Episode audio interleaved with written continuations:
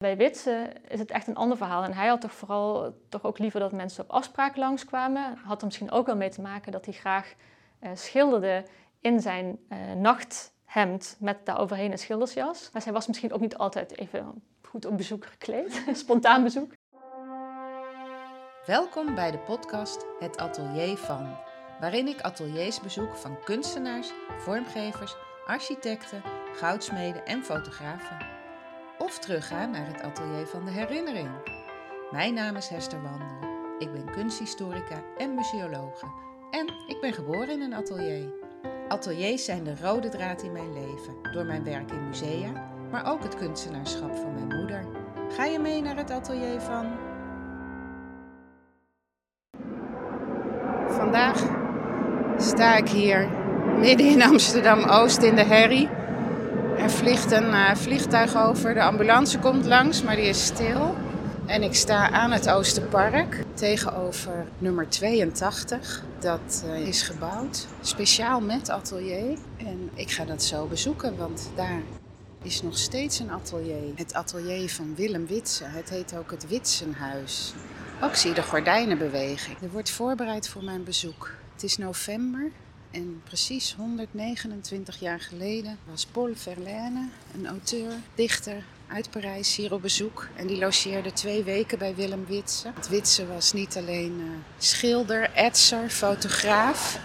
Hij schreef ook kunstkritieken. En hij uh, ontving hier heel veel beroemde tachtigers. Willem Kloos, Hein Boeken, maar ook de schilders, Breitner, Israëls, die hadden voor hem zelfs hier een atelier. En uh, hij was eigenlijk het middelpunt van een hele beweging, kan je misschien zeggen. Dandies, het eind 19e eeuw. Zelf is hij wel beroemd, maar niet zo beroemd als Breitner en Israëls. Bijzonder is dat ik zelf een ets van Witse heb, van mijn moeder. Die heeft zij weer gekregen van haar vader. En die had hem weer gekregen van uh, Ad van Schuppen sigarenfabrikant van onder andere de ritmeester. Want daar had mijn opa van Riesen ondergedoken gezeten in de oorlog. Dus die prent van Wits is altijd al in ons huis geweest. En ik heb hem wel gezien, maar nooit echt bekeken. En dat ga ik binnenkort doen, want hij is ook gesigneerd. En er is een versie van in het Rijksmuseum. En dat kunnen we dan mooi eens vergelijken. Ik vind het heel bijzonder om hier te staan in de herrie van Amsterdam met auto's. Want vroeger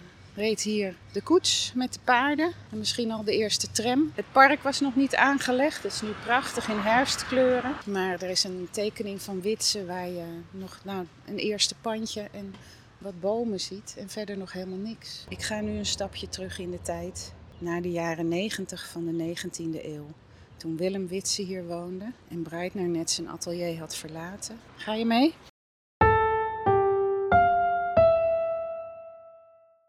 Hi welkom in het Witsehuis. Ik ben uh, Manon, een van de beheerders van het Witsehuis. En uh, ik uh, moet schoentjes aan, zie ik. Ja, we hebben inderdaad overschoentjes. Elke bezoeker vragen we die om of, of, ze die aan willen trekken. Dat is ter bescherming van de oorspronkelijke tapijten in het huis. Zodat er zo min mogelijk schade aangericht wordt. Heel goed, want dit is dus allemaal origineel wat hier staat en hangt. Uh, het merendeel inderdaad van het interieur is origineel. Er zijn wel wat dingen uitgewisseld in de loop der jaren, maar in principe uh, is het merendeel wat, wat je hier gaat zien is origineel. Nou, wat spannend. Nou, ik ben net al de trap opgekomen. Ik zie het hangt hier vol met prenten. Van Etsen, denk ik. Allemaal van Witsen? Ja, deze Etsen net op één na, net allemaal van, uh, van Witsen. Uh, we, zien, we, ja, we reizen eigenlijk een beetje door zijn uh, leven heen. Veel Amsterdamse gezichten, uh, maar ook veel ehm, landschappen uit, uit Ede. hij was in Londen, daar zien we etsen van. Ehm, dus het is heel, heel divers. Ja. We gaan met hem op reis een beetje. Ja, leuk. En hij reisde dus wel veel. Hij reisde heel veel. Ja, hij was vervent reiziger. Dat, dat is heel leuk ook om terug te lezen, ook in zijn brieven. En daar was hij uh, ja, heel verzot op, samen met uh, zijn echtgenotes. Ja. Met beide? Met beide. hij is twee keer getrouwd? Ja, hij is twee keer getrouwd geweest. En met name met zijn uh, tweede vrouw, Marie Witse, um, heeft hij heel veel reizen gemaakt. ook overzees, naar San Francisco, naar Nederlands-Indië. Dus, ja, want hij kwam wel uit een gegoede familie, hè? dus hij kon het... Ja. Hij kwam inderdaad uit een goede familie. En uh, Marie, zijn tweede vrouw, kwam ook uit een, uh, echt uit een succesvol ondernemersgezin. Brouwers waren ja, het, hè? Brouwers, ja. ja. Werd hier flink wat bier geschonken, of niet? Uh, nou, in ieder geval weten we uit de correspondentie sherry. Dat sherry, sherry ah. een geliefde drank was. Bij ja, wij, wij vinden dat dat zo'n damesdrankje. Ja, klopt. Maar ja. dat werd hier door de heren gedronken. Ja, er is wel heel grappig ook een brief over geleverd... waarin vrienden van Witse tijdens zijn reis naar San Francisco ook op het huis passen. Ja. En hem dan schrijven um, dat, die, uh, dat ze gestommel hoorden in de kast. En dat ze zo bang waren voor een inbreker dat ze toch maar even zijn gaan kijken. En dat ze geen inbreker gelukkig aantroffen, maar wel een fles sherry. En dat ze zo bang waren dat hij zou bederven tijdens zijn afwezigheid, dat ze maar gelijk soldaat gemaakt hebben. Wat een goede smoes. ja, precies. Hey, en nou komen we binnen in um, Um, wat, wat, zullen we eerst doen? Want er zijn twee belangrijke kamers. Ja, we hebben inderdaad een kamer aan de tuinzijde en een kamer aan de straatzijde. Ja, we beginnen maar eens hier, bij uh, de kleine kamer aan de tuinzijde. Er staat een hele mooie... Het kraakt ook lekker, die schoentjes. Ja, nou ja, weet je, dat hoort er allemaal bij. Ja. Dat, uh, daarom loop, loop, ik rond. Ja, precies. Dit, wat was deze kamer? Uh, deze kamer, uh, dat is misschien goed om een beetje meer uh, context van het huis ook te vertellen. Want het huis werd gebouwd in 1885. Het was oorspronkelijk bedacht voor een beeldhouwersfamilie, de familie Roskam. Maar zij emigreerden naar België en hebben hier eigenlijk nooit gewoond. Het pand was oorspronkelijk heel hoog. Er is later een tussenvloer ingelegd. Dus in, in feite was de verdieping waar we nu zijn, liep door tot aan de begane grond. En was 7 meter hoog. Zo, dat is inderdaad. Was het Ja. een hele een beeldhouwer die hele grote beelden ging Nee, maken? dat is dus eigenlijk het interessante aan het verhaal. Want de, de familie Roskamp stond bekend vanwege hun klein formaat sculpturen. dus of hij had ambities die hij vervolgens niet meer heeft waargemaakt, eh, of er was eh, een andere reden voor. Eh, maar dat is inderdaad een jaar later, al na de oplevering in 1886, is er al een tussenvloer ingelegd. Waar we nu op staan. En, Het eh, ziet als een volwaardige etage eruit. Inderdaad. ja, nou, de, de vloer zelf is wel echt een tussenvloer ook eh, in, in de aanleg geweest. Want het is eh, heel gehoorig en de ja, bewoners op de dag van vandaag horen in principe wat er boven hun hoofd gebeurt. En daar werd al in de tijd van Witse al over geklaagd door uh, Israëls, met name die beneden woonde en vond dat Witse vooral niet zo uh, veel lawaai moest maken. Aha, ja. En dat is op de dag van vandaag zo. Leuk parallel. Om even terug te komen inderdaad op je vraag. Dus de familie Roskamp vertrok naar België. Toen heeft er een jaar lang uh, een andere familie ingewoond. En in 1887 kwam eigenlijk de, het eerste lid van de groep, nou, de tachtigers, dus de, de, de, schrijvers, de kunstenaars, uh, die zich als zodanig aanduiden. En ook een hechte vriendengroep, maar waar ook zeker heel veel ruzie was. En uh, Breitner, die, was dus, George Hendrik Breitner was de eerste die hier kwam te wonen, dus al in 1887. En hij kende Witse al wel in 1883, had ik ergens gelezen. Ja, ja hij kende Witse inderdaad wel al. Um, en hij zou hier, hij is in eerste, dus hij heeft ook op verschillende plekken in het huis gewoond. Um, Breitner was ook notoire omdat hij eigenlijk altijd geld tekort had. Um, dus wat hij wel eens deed, is dat hij dan ook wel eens uh, ja, collega's uh, hier liet overnachten en dan af en toe wat liet bijleggen bij de huur, zodat hij toch weer uh, kon betalen. En zo is er ook een hele leuke anekdote, want inderdaad een jaar nadat hij hier introk, um, toen had hij al een relatie met Marie, Marie Jordan, dus zijn, zijn latere echtgenote. Toen hadden ze ruzie en toen heeft hij gedacht, nou, dat, dat komt me nu niet zo goed uit. En op dat moment in de zomer van 1888 zat zijn goede vriend en schrijver ook van de tachtigers, Frans Erens hier in het huis. Uh, en toen heeft hij een briefje achtergelaten dat laat onder geen pretext Marie binnen en is hij zelf weggegaan. En toen heeft Marie inderdaad in die nacht in haar, uh, in haar nachtjapon voor het huis staan schreeuwen dat Breitner naar buiten moest komen. Maar Frans Erens was er en die heeft haar dus blijkbaar ook niet binnengelaten. Vrienden onder elkaar. Vrienden onder elkaar, ja, er was denk ik, er was een rivaliteit, maar ook zeker diepgaande vriendschap. En dat is heel mooi om terug te lezen, alle correspondentie die er van de tachtigers overgebleven is. Wat natuurlijk tegenwoordig echt een rijke bron aan informatie is. Absoluut. En uh, nou ja, en Witse kwam hier, hier te wonen in 1891. De eerste keer, want hij heeft hier twee jaar gewoond. Totdat hij trouwde met zijn eerste vrouw, Betsy van Vloot. En toen zijn ze naar Ede verhuisd. Ja, en dat is eigenlijk het verhaal dat geleerd is aan deze kamer. Want op dat moment uh, woonde hij op deze verdieping, waar we nu staan. wonen en werken. Ja, wonen en werken. En er was een huisbaas waar ze dan uh, de huur aan betaalden. Ja, er was uh, Marinus van Leenbrugge. Dat was eigenlijk uh, de man voor wie dat, dit pand in opdracht gebouwd was. Dat was, nou, ik weet niet of we dat nu een huisjesmelker zou noemen. Dat is een beetje een negatieve connotatie. maar een huisbaas. De eigenaar, ja, ja. precies. ik weet namelijk niet hoeveel ze betaalden. Nee, maar Breitner vond het al te veel. Dus. Breitner vond het te veel. Maar goed, die zat ook graag in de kroeg. Dus hij had misschien ook wel andere prioriteiten in het leven. En eh, Witse die, eh, die sliep in de kamer waar we nu staan. Het was een Ah. slaapkamer. Zo, En, want eh, het is dit eh, drie bij vier meter, een beetje mijn studentenkamer. eh. Ja, ja. Ja. precies. Ja, het bed, stond, eh, het bed is er niet meer, helaas. Het bed eh, stond in de hoek van de kamer. Er zijn twee ramen aan de tuinzijde en daartussen was een eh, waskom, een wasgelegenheid, een beperkte wasgelegenheid. Een uh, lampetstijl. of Ja, precies. Ja. Nou, en dit is dus eh, ook de reden, de reden dat we de kamer zo noemen zoals we hem noemen, want deze kamer heet de Verlijnenkamer, is omdat in 1892, dus toen, eh um, net woonde, kwam Paul Verlaine naar Nederland eh, gedurende twee weken. En hij was een groot voorbeeld voor de tachtigers. Hij was een Franse dichter. En hij mocht hier een aantal dagen verblijven op deze verdieping van Witse. En dus ook slapen in het bed van Witse. Oh, die sliep ergens anders. hè? Ja, die sliep even ergens anders. Hij was eigenlijk de gastheer van Verlaine. Ja, daar is deze kamer naar vernoemd. En daarom heet hij nu de Verlaine-kamer, dus eh ter Ja. ere van Verlaine. En dat is eh, op de kop af eh, 129 jaar geleden. Want Ja. het was november. Dus eh, misschien met dit weer of heel regenachtig was Verlaine hier. Ja, dat zou heel goed kunnen. bijzonder. En het is ook bijzonder dat hij had ook al hetzelfde uitzicht aan de achterzijde als wat wij nu hebben. Want eh, de panden aan de achterzijde van het huis, die stonden er toen al. Oh ja. Dus ja. dat is ook wel eh, bijzonder. Ja, je voelt het wel, dat je hier op een bijzondere plek bent.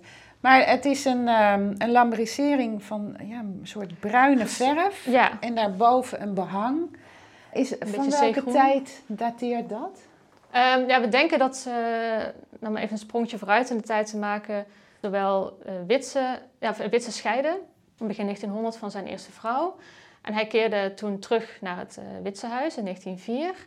Woonde hij hier weer. En op de eh, verdieping hierboven woonde destijds eh, Marie Witse. Of Marie Shore heette ze toen eigenlijk nog. De, ehm, zij was namelijk ook gescheiden. Zij was getrouwd met een neef van Witse. Dus Oh, zij kenden elkaar al. ja, ja.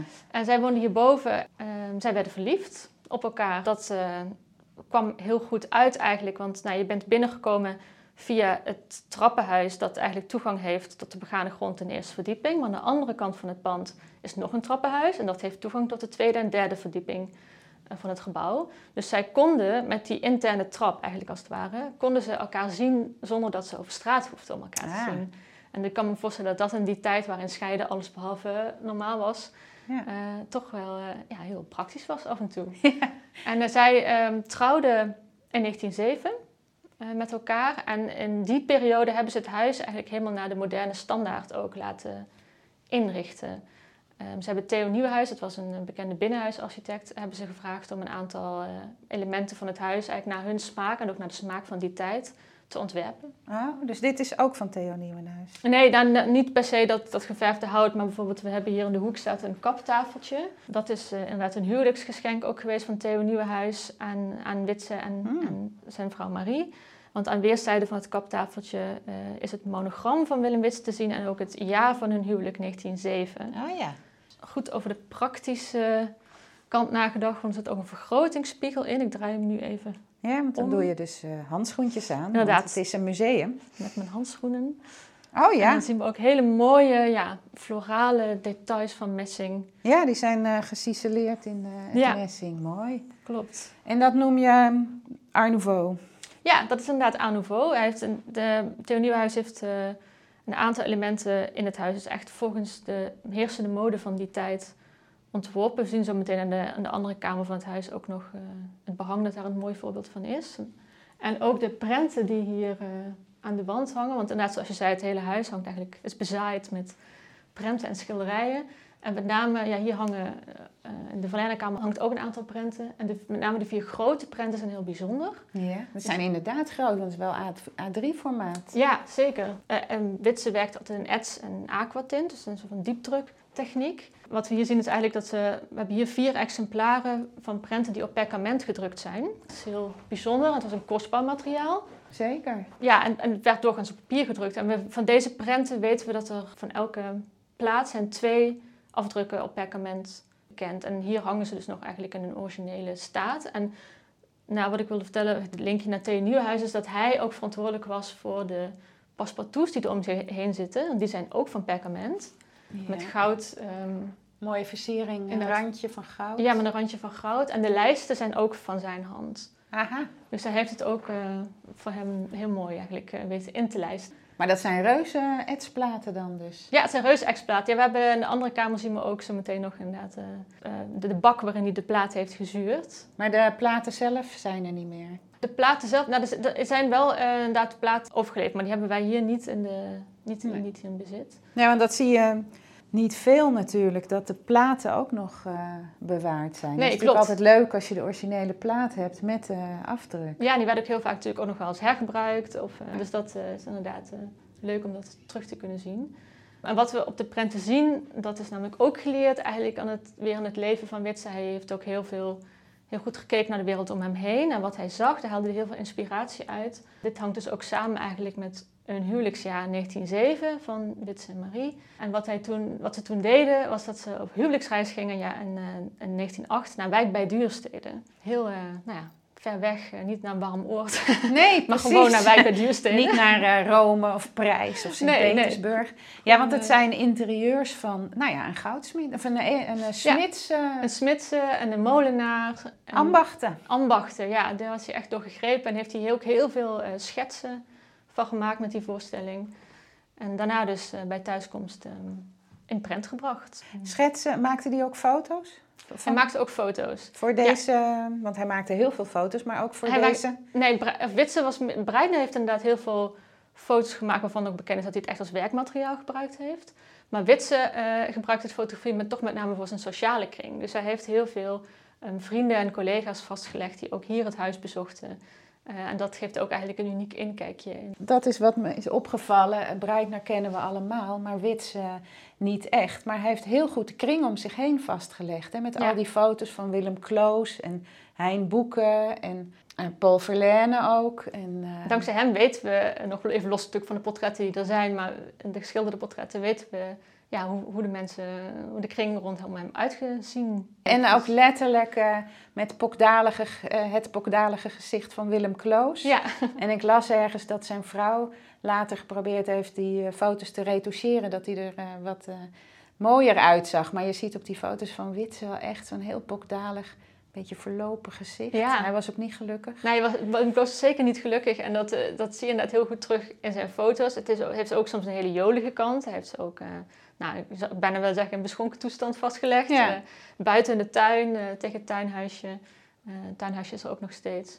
Dat, ja, je krijgt echt een uniek kijkje in ja. het leven in die tijd. Maar Witse zelf, nou, hij heeft zichzelf ook geportretteerd. Maar hij Ja. is zelf in de kunstgeschiedenis niet zo in beeld, hè? Nee, klopt. Ja, ik, ik, ik vind het zelf altijd... eh, dat is natuurlijk ook een beetje de missie van het huis als, als bezoekers hier komen. Dat ze daarna weggaan met een idee van wie Witse eigenlijk was. Want inderdaad, eh, heel veel bezoekers, zelfs die hier komen, hebben niet per se een idee van wie Witse was of wat hij deed. Breiner roept natuurlijk heel veel herkenning op. Israëls, Isaac Israëls, noemt roept heel veel herkenning op. Maar ja, Witse inderdaad een stuk minder. En ik had zelf laatst ook uh, weer eens aan de lijve ondervonden. En ik word er dan altijd een beetje recalcitrant van. um, dat ik uh, het graf van Witse bezocht. Want uh, Willem Witse ligt samen met zijn vrouw, tweede vrouw Marie. en Breitner en diens vrouw Marie. in een graf met z'n vieren op de Nieuwe Ooster. Hier een stukje verderop bij het Witse huis. En ik vroeg bij het administratiekantoortje... Um, Goh, ik uh, wil graag het uh, graf van Witse bezoeken. Nou, toen moest ik al spellen uh, wat Witse was. Dus nou goed, ik zijn naam braaf spellen. en vervolgens, nou, welke geboortedatum, want ik kon hem toch niet vinden in het systeem. Nou, 13 april 1923. En toen zei die man, oh, oh, het is, oh, je bedoelt Breitner. Nou, die ligt gewoon daar. Ja. Dus toen dacht ik, ja, zie je, iedereen vraagt zelfs naar Breitner. En dan is het nog postmortem een soort van, uh, ja, een beetje postuum, uh, postume vloek die op hem lijkt te rusten. Dat willen wij natuurlijk als Witsehuis ook wel graag doorbreken. Want hij was denk ik als persoonlijkheid een stuk minder uitgesproken. Uh, Verlegen iemand? Of, nou, het was echt wel een netwerk als je het zo ja. leest. Ja, maar hij kon ook heel uh, teruggetrokken zijn. Want we weten ook bijvoorbeeld dat hij... Ja, Breitner, daar was het echt zoete inval. Modellen, vrienden, iedereen rolde bij hem over de drempel. Maar bij Witse is het echt een ander verhaal. En hij had toch vooral toch ook liever dat mensen op afspraak langskwamen. Had er misschien ook wel mee te maken dat hij graag uh, schilderde in zijn uh, nachthemd met daaroverheen een schildersjas. Aha. Dus hij was misschien ook niet altijd even goed op bezoek gekleed. Spontaan bezoek. He's not decent. Ja, ja, precies. Dus ja, hij was daar wel, hij had daar denk ik wat meer moeite mee dan, dan, ja. dan de rest. Maar hij schilderde wel voornamelijk binnen. Hè? Ehm, hij maakte schetsen buiten. Ja. Hij, hij ehm, werkte het af binnen. Het was Ja. niet een impressionist in die zin dat hij buiten ging schilderen. Nou, ehm, dat valt mee, want we hebben ook een, eh, we hebben ook een schilderskistje Ja. van hem, een reiskistje. En dat is eh, juist heel geschikt voor ehm, buitenwerken, want eh, je kan het openklappen en een paneeltje erin schuiven. En dan kan je het ook gelijk als ezeltje gebruiken. Dus dat geeft wel aan dat hij wel degelijk ook buiten... Nou, dat wil ik wel eens zien, want volgens mij moeten we nu eens naar die ja, andere precies. kamer. Laten we naar de andere kamer lopen. Ik zie hier nog een eh, kist met witsen erop. Ja, dat is de reiskist inderdaad eh, van Witsen. Dus daar eh, ging Grand Hotel du Soleil in Arnhem. Ja, Daarmee ging hij met Marie op stap. ja ging hij mee En op een reis. heel klein keukentje Ja, het keukentje is... met echt een granieten aanrecht. Ja, en de zeep, eh, zeep soda, zand... eh, Oh, prachtig. Die bakjes die eh, heel veel bezoekers nog herkennen als Ja, nou, bij hun ouders of opa's en oma's. En nog bakkelieten lichtknoppen. Ja, Het is allemaal niet gemoderniseerd. Dat is wel fijn. nee, nee, zeker. Dus Nou, dus dan komen we nu in de grote voorkamer. Oeh, daar is het sch- schimmig. Nee, hoe noem je dat? Stemmig. stemmig, ja. Donker behang. Het behang wat je zei van Theo Nieuwenhuizen. Ja, nou, het is inderdaad eh, schemerig. Eh, het, het pand, ja, het is eigenlijk ooit bedacht dat dit dus het hoge atelier... Dit is op het noorden gelegen. En dat was voor kunstenaars natuurlijk heel prettig licht om in te werken. Maar als je nu binnenkomt, is het... eh, Moet je even wennen. Net schakelen. En dan zie ik allemaal kleden. Dus het is inderdaad heel goed dat ik die schoentjes aan heb. In het midden een kachel. Ja, dit zijn ook allemaal de originele kleden. Dus, Bijzonder hoor. Een tafel met twee stoelen voor het raam. Een tafel met zes stoelen in het midden. Een grote, hoe noem je zo'n? eh, Kussenkast. Kussenkast, ja precies. En een klok, een staand horloge. Ja, En, eh, een, nou ja, het is eigenlijk een beetje een museum. een dagbed. Oh ja, is dat ook een bed waar modellen op gezeten hebben? Of, Nee, eh, het heeft eigenlijk een wat meer een eh triester verhaal, het Oh. dagbed. Want het is het bed waar Marie Witse op overleden is. mm, Ehm, in 43. Ja, in 43. Zij is eh, overleden op precies dezelfde dag als Witse en dan precies 20 jaar later. Zo, 13 april? 13 april, ja, goed onthouden, ja. 13 april 1943 is zij eh, hier eh, overleden. En ja, dat is voor ons ook een heel, daarom een heel speciale plek. Ehm, ze was, we weten dat Marie ziek was en ze heeft twee dagen voordat ze overleed is ze ook rekeningen gaan voldoen in de buurt. En toen heeft ze tegen de bloemist gezegd dat ze overmorgen naar Willem zou gaan. Oh, En ze is ook aangetroffen in zijn nachtkleding. ach jeetje, krijg er kippenvel van. Ja, Ja. ja, het is een bijzonder eh, verhaal. En, en dat werkt ook nog door naar het heden eigenlijk, omdat eh, ook de bewoners eigenlijk ook altijd door de jaren heen, sommigen ook het idee hebben gehad dat eh, Marie nog steeds rondwaart. Oh, het spook. Eh, ja, Dan horen ze wat boven lopen of zo. ja, ze hebben wel eens inderdaad eh, voetstappen gehoord. En eh, ook wel eens eh, iemand heeft het gevoel gehad dat bij de enkel gegrepen werd. Oh, wat spannend. Dus het huis is ook een keer verschenen in een reeks over spookhuizen in, in Amsterdam. Aha. Maar goed, ik moet zeggen dat ik ook, dat is echt, ik, ik ben niet bijgelovig, maar dat ik heel vaak wel eens geprobeerd heb om dat hoekje op de foto te zetten. En ik ben niet per se een eh, beroerde fotograaf, maar dan, het lijkt, lukt me eigenlijk nooit om het scherp te krijgen. Oh, nou, dat ga ik zo Ehm. ook eens even proberen. Dus ik weet niet wat dat zegt, maar ik heb wel altijd het gevoel als ik hier ben dat ik op een bepaalde manier, maar op een geruststellende manier, dat ik niet alleen ben. Nee, nee, precies. Ja, Ja. want ik zag je dus net eh, de gordijnen openen. En het is wel heel uniek dat ik hier mag zijn, want zoveel bezoekers mogen er niet komen.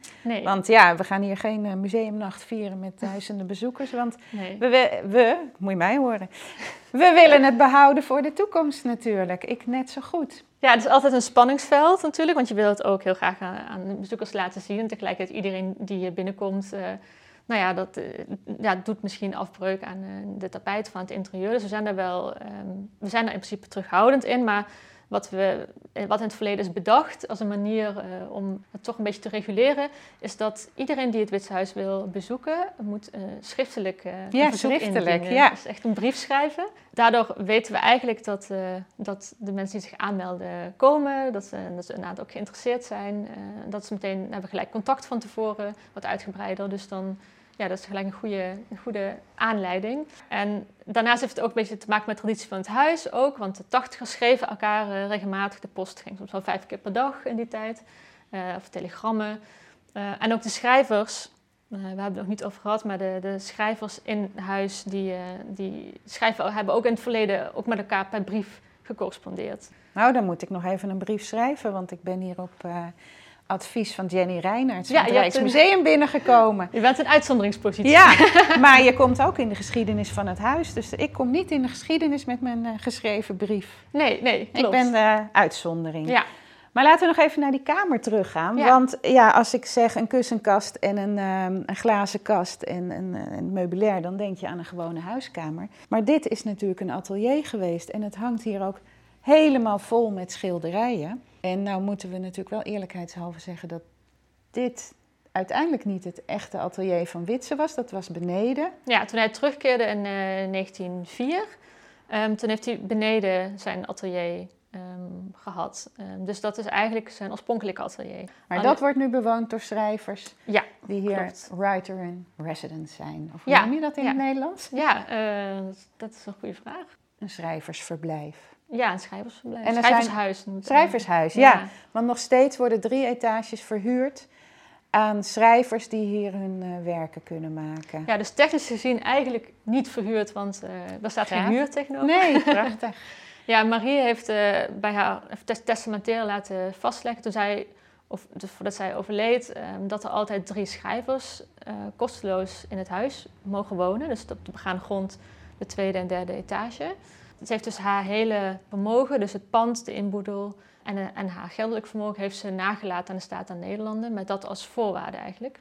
En dat betekent dat, uh, dat er altijd uh, drie schrijvers wonen. Ze mogen hier gedurende vijf jaar wonen en ze hoeven dus alleen vaste lasten te betalen. Dus dat is een, en dat is tot op de dag van vandaag is dat het geval. Dus dat is heel bijzonder. en in het verleden zijn er wel schrijvers geweest die dat... Uh, het werd wat stilbezwijgender verlengd, laat ik het zo zeggen, die vijf jaar. Dus uh, bijvoorbeeld Marga Minko heeft hier gewoond met haar gezin ja, die heeft hier 20, 20 jaar oh, ja. gewoond. Dus het, werd, het verleden was niet zo strikt, maar tegenwoordig zijn we wat strikter. En Marie had uh, ja, een beetje arbitraire criteria voor de selectie. Want ze zei, ja, eh, schrijvers moeten veelbelovend zijn uh, en armlastig, zoals ze dat dan zelf omschreef.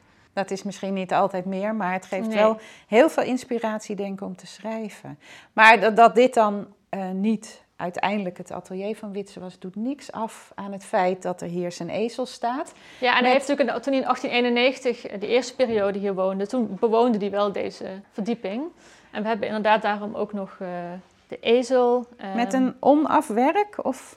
Ja, het is nou ja, een zelfportret, of niet? Het is inderdaad een zelfportret van hem. En de, uh, ja, je ziet hem inderdaad met een bolhoed op, zittend voor het raam, met de vitrage. Oh ja. Uh, van het huis. En hij, voor hem staat een, uh, een bierpul met kwasten.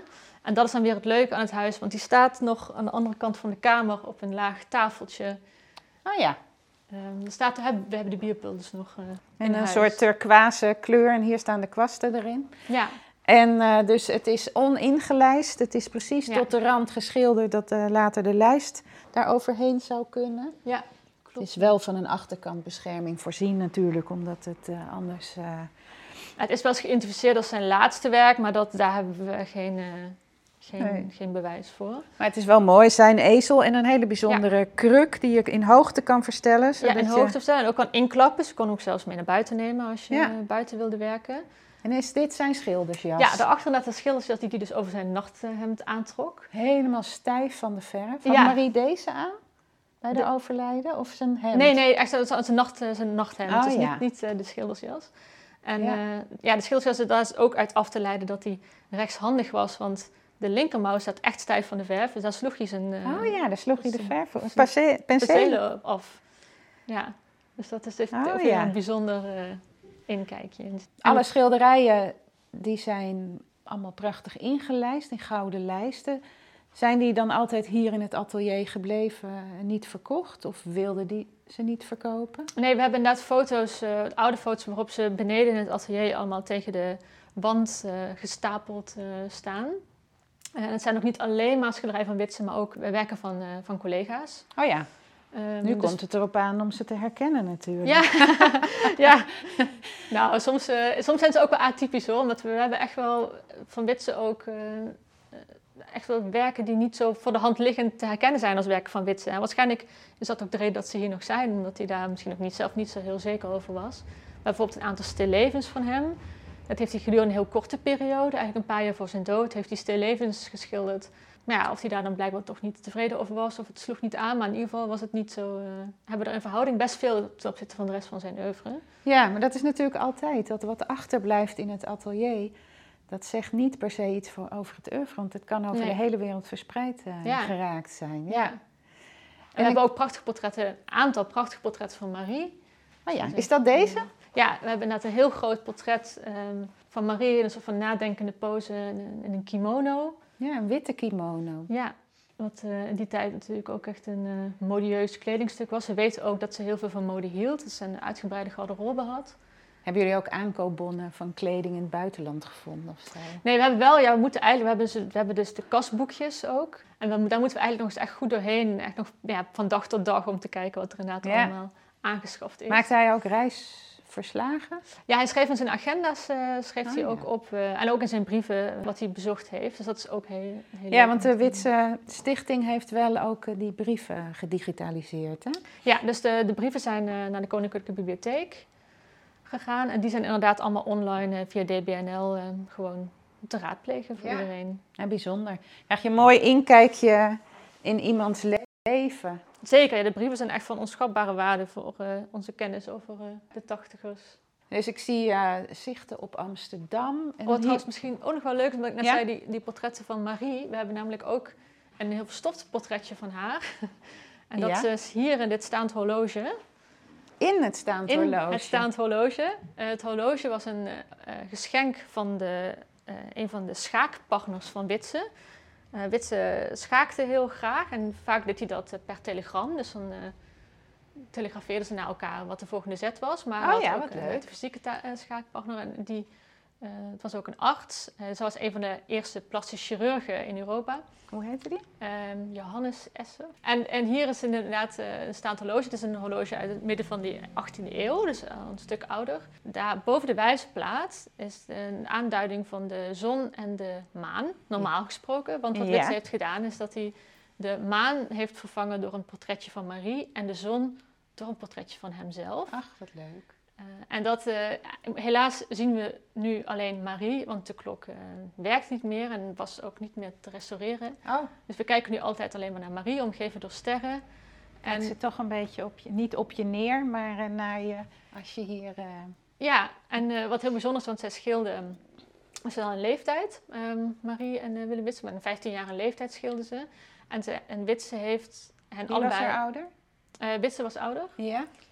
Dan Marie. En, en de klok heeft hij heeft die, uh, hen allebei op uh, 25-jarige leeftijd geportretteerd. Dus in de klok zijn ze altijd even oh, oud. wat mooi. Dus we zien nooit zijn portretje hier? Nee, helaas zien we nooit. Ik heb het zelf ook nog nooit, nee. nog nooit gezien. Oh, wat bijzonder dat hij zijn eigen klok heeft beschilderd. Ja, en dat portretje ook waar het op gebaseerd is, hebben we ook nog. Het hangt aan de andere kant van de kamer. En dat is het portretje, kleine portretje van Marie. Oh ja. En we hebben ook nog de potloodschets. Want maakt hij altijd schetsen voor zijn uh, werken? Ja, hij heeft heel veel, um, heel veel geschetst. Uh, er zijn heel veel um, schetsboekjes van hem ook overgeleverd. Die zijn in het Rijksmuseum, hè? Ja, we hebben hier een aantal schetsboekjes nog uh, wel in huis.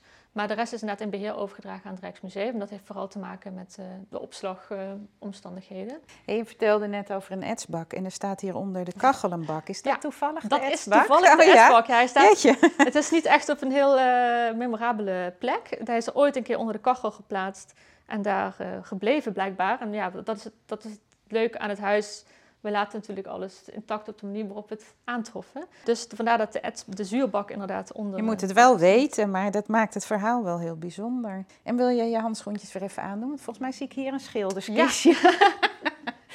een heel klein kistje, een beetje A4-formaat. Ja, Gewoon klopt. een keurig, uh, wat is dat voor een hout? Het is notenhout. Notenhouten kistje. En het heeft inderdaad haakjes, die we eerst even moeten openschuiven. Oh, daar komt een heel klein en er komt... paletje uit vol met kloddersverf. Ja, hele dikke verfklodders. En daaronder zijn twee flacons voor verdunningsmiddelen en een gat om je duim in te stoppen, dus je het, ook het kistje goed kon vasthouden. Oh, dat is nog best zwaar om zo'n kistje dan... Uh... Ja. En er zitten geen uh, tubes verf meer in? Nee, helaas geen, uh, geen verftubes meer. Um, de verftube was natuurlijk was er toen wel alles. Die heeft Witse Ja. ook zeker gebruikt. Maar dat eh, hebben, is helaas niet overgeleverd. Maar je kan aan de hand van het palet natuurlijk wel mooi onderzoek doen naar eh, welke verven die gebruikt en Ja. welke samenstelling. Ja, naar de pigmenten inderdaad. De bovenkant van het klep is ook open te klappen. En dan kun je ook eh, aan de bovenkant een paneeltje erin schuiven. Waardoor je het ook als, eigenlijk al gelijk als ezel kon gebruiken Ja. buiten. Mooi voor een klein landschapsstudietje. Ja, precies. Dus even kijken hoor, dat portret van Marie is best groot. Verder zijn het nou niet zo hele grote werkjes, 50, 60, 40 centimeter. Maar hier Ja. hangt een groter werk. Ja, dit is, eh, ook dit is een voorbeeld van eigenlijk een stijl bij Witse die eh, denk ik een stuk minder bekend is. Heel Ehm, donker werk. Het, nou ja, je zou denken Amsterdam is het ja, ook? het is de Ja. Kromme Waal inderdaad. Oh ja. En eh, het is een, een heel groot werk. Het is eh, nou, praktisch eh, monochroom. Het is helemaal grijs-zwart. Je ziet de stoom van het schip op het water. Ehm, het is heel sferisch eigenlijk, atmosferisch uitgevoerd. En dit is eigenlijk een stijl die, eh, ja, die mensen van Witse eigenlijk helemaal niet zo kennen. Ze kennen hem toch vooral eigenlijk ook bijna als een, eh, als een fijnschilder van Amsterdam. Ja, eigenlijk- eigenlijk juist het Amsterdam, het tijdloze Amsterdam. Het verstil, de verstilling, de rust. Ja, want hij schilderde niet echt mensen, hè, zoals Breitner wel deed. Nee, ja, hij heeft wel ook portretten. heeft ook Ja, maar niet in zijn... ehm, Nee, nee, hij was minder van de, van de rumoerige stad, minder van de reuring. Dat was meer voorbehouden aan Breitner. En hij was meer van de verstilling. Maar dit is eigenlijk in die zin een uitzonderlijk werk, zowel in kleur. Hij heeft wel heel veel ook eh, tekeningen, ook eh, monochroom eigenlijk, zoals dat dan heet, uitgevoerd. Maar eh, ja, dit is echt een monumentaal taal. Ja, en het is denk ik ook wel grove verf. Ik weet dat, ehm, volgens mij was het Israëls, die gebruikte ook bitumen, waardoor die Ja. werken daarna ook enorm gingen werken. Ja, dat is waarschijnlijk ook bij het schilderij daarboven gebeurd. Dat verdonkerde enorm. Maar zit, zou dat hier ook mee, eh, dat het nog verdonkerd is? Of is het gewoon dit stemmige? Nee, we weten dat, dat hij meer, dat hij ook in, ehm, in, andere, in eh, tekenmaterialen ook op deze manier dus donker werkte met pastel. Eh, dus dat, ja, dat is niet aannemelijk dat, het ook, dat dit ook nog eens nagedonkerd is. En eh, nou we het er toch over hebben, ehm, naast dat ik hier ook nog heel veel boeken zie, de- waarschijnlijk ook nog wel van zijn vrienden, de tachtigers. Zeker, ja. Ik heb niet mijn eh, ads meegenomen die ik van Witse heb, maar even een ordinair kopietje. Want Leuk. dit is twee boten aangemeerd in de Oude Schans. ja. En eh, ik had gelezen dat hij ook vaak in een schildersbootje zat. Ja. En dat kan je ook goed zien. Je ziet twee aangemeerde boten en er is sneeuw. Maar dat het ook een beetje van onderaf eh, is geschilderd, hè? ja, dat zien we inderdaad. eh ja, geëtst in dit geval. Ja, klopt. Dat is inderdaad bij meer werk het geval. Ehm, hij had tussen 1911 en 1913 had hij inderdaad een, eh, een atelierschuit eigenlijk. Dus een drijvend atelier. Zijn er foto's van? Ehm, hij heeft inderdaad, eh daar zijn foto's van. Ja? En ehm, hij, he- het was ook heel romantisch, ja, niet heel romantisch, maar hij heeft de schuit ook vernoemd naar, naar Marie, dus naar zijn tweede vrouw. En daarmee weten we inderdaad dat hij, dat hij rondvaarde over de, ook over de grachten. En daar dus inderdaad heel erg vanuit een laag perspectief ehm, de stad kon vastleggen. Ja. Dat zien we ook in zijn schilderijen, maar ook zeker in zijn etsen zien we dat terug. Dus dat is inderdaad heel bijzonder. En zie je daar ook de ehm, invloed van de fotografie in? Dat, eh, dat, dat gekaderde? Want Ja. hij heeft ook de Montebaanstoren geschilderd Zeker, en die is ja. echt afgesneden. Montebaansel heeft hij inderdaad ook heel vaak eh, vastgelegd. En hij koos inderdaad eh, eigenlijk min of meer de uitzending die hij op dat moment zag. En daar schuwde hij inderdaad niet om inderdaad ehm, ja, af te snijden. eh, ja, een, een andere dan de klassieke uitzending misschien te nemen. Maar dat zie Dat je ook wel bij eh, nou ja, de Franse impressionisten. Dat eh, de invloed van de fotografie is ook wel... eh, Van de fotografie en ook van de Japanse prentkunst. Die Ja. ook in die tijd... Ja, en de- deze ads heb ik dus al heel lang. En ehm, bij ons was het altijd, ja, dat is de witse. ja. Maar, en verder was het het werk van mijn moeder. Maar dus Ja. hij sneeuwde bij ons ook al een beetje ja, wat leuk. Nou, dat is toch een leuke link. Ja, ja, precies. Bij jou Maar- hij in ieder geval niet onbekend. Nee, nee, zeker niet. Nou, hij is ontzettend vergeeld, want mijn moeder rookte Oh, ja. ehm, ook behoorlijk. Nou, het papier moet ik zeggen, van eh, het papier dat Witse gebruikte, is ook, of de drukker, is ook vaak heel erg verbruind in de loop der tijd. Dus dat kan ook, hoeft niet per se met het roken samen te hangen, maar het kan ook met het papier. Oh ja, nou ja, maar dit is dan dubbel op. Oké. Maar eh, ik zal hem eens meenemen naar een restauratieatelier om eh, er naar te kijken van wat er nog meer over te leren is. Want ja, er zijn natuurlijk meerdere ehm, afdrukken van. Ja, hij heeft vaak inderdaad prenten in meerdere staten. Dus dat dan heet altijd als je een wijziging aanbrengt in de koperplaat, dan noem je dat een nieuwe staat van de prent. En dat heeft hij inderdaad, eh, hij heeft vaak soms wel vier tot vijf staten van een prent gemaakt. Deed hij dat afdrukken ook hier? Had hij hier een etspers?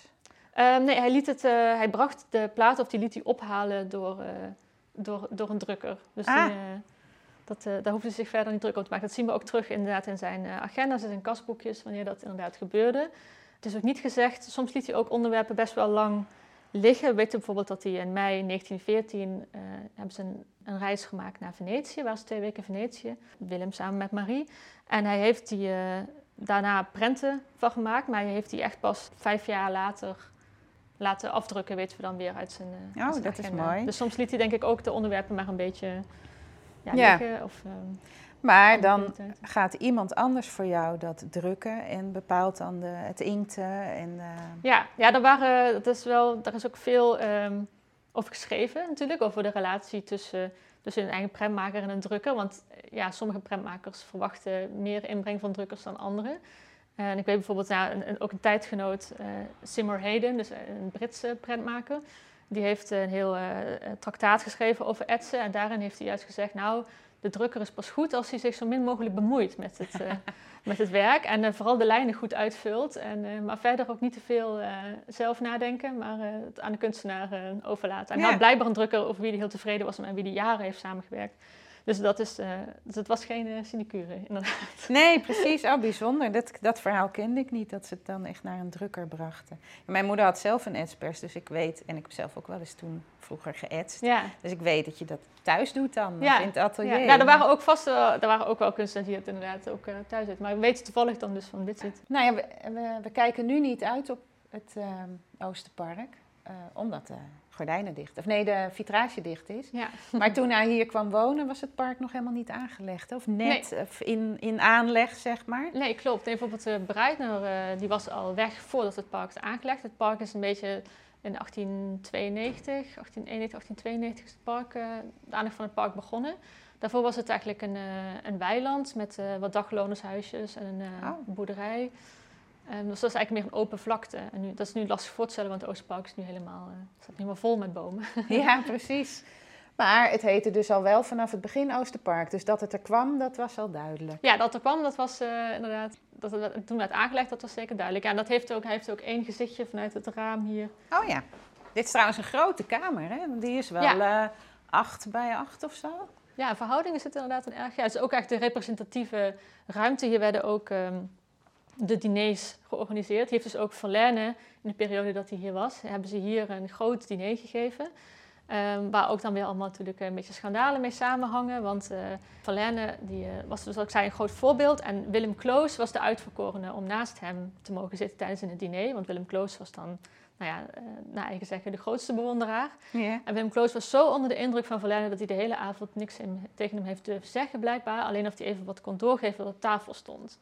Dus hij heeft er niet het maximale uitgehaald. Nee, de grootheid, want ze spraken wel allemaal Frans dus. Ja, ze spraken Frans, zeker. Eh, en het schijnt ook, eh, misschien gaat het ook wel beter na een wijntje, want ze hadden ook een, het was nogal een baganaal geweest en er werd ook beschreven dat alles met Bordeaux besproeid was.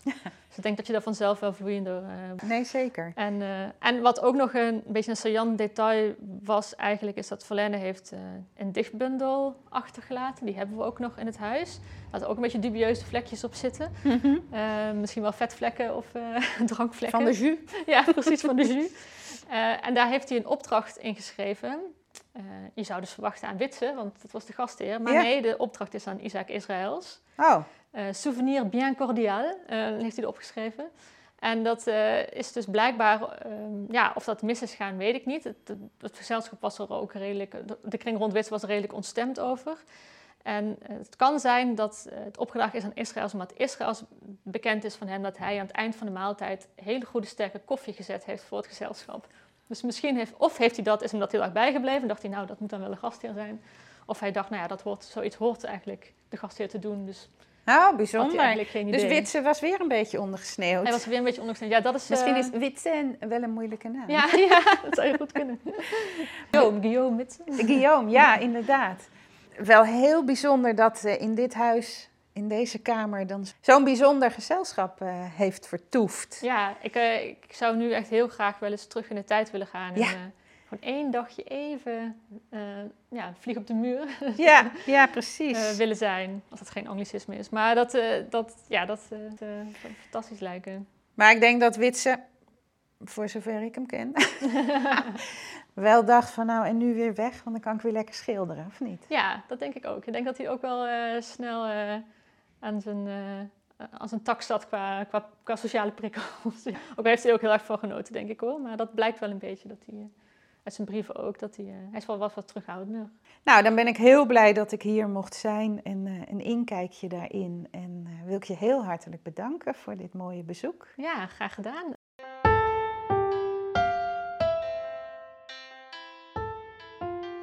Dat was weer een fijn bezoek in het atelier. Krijg je er ook zo'n zin van om zelf aan het werk te gaan?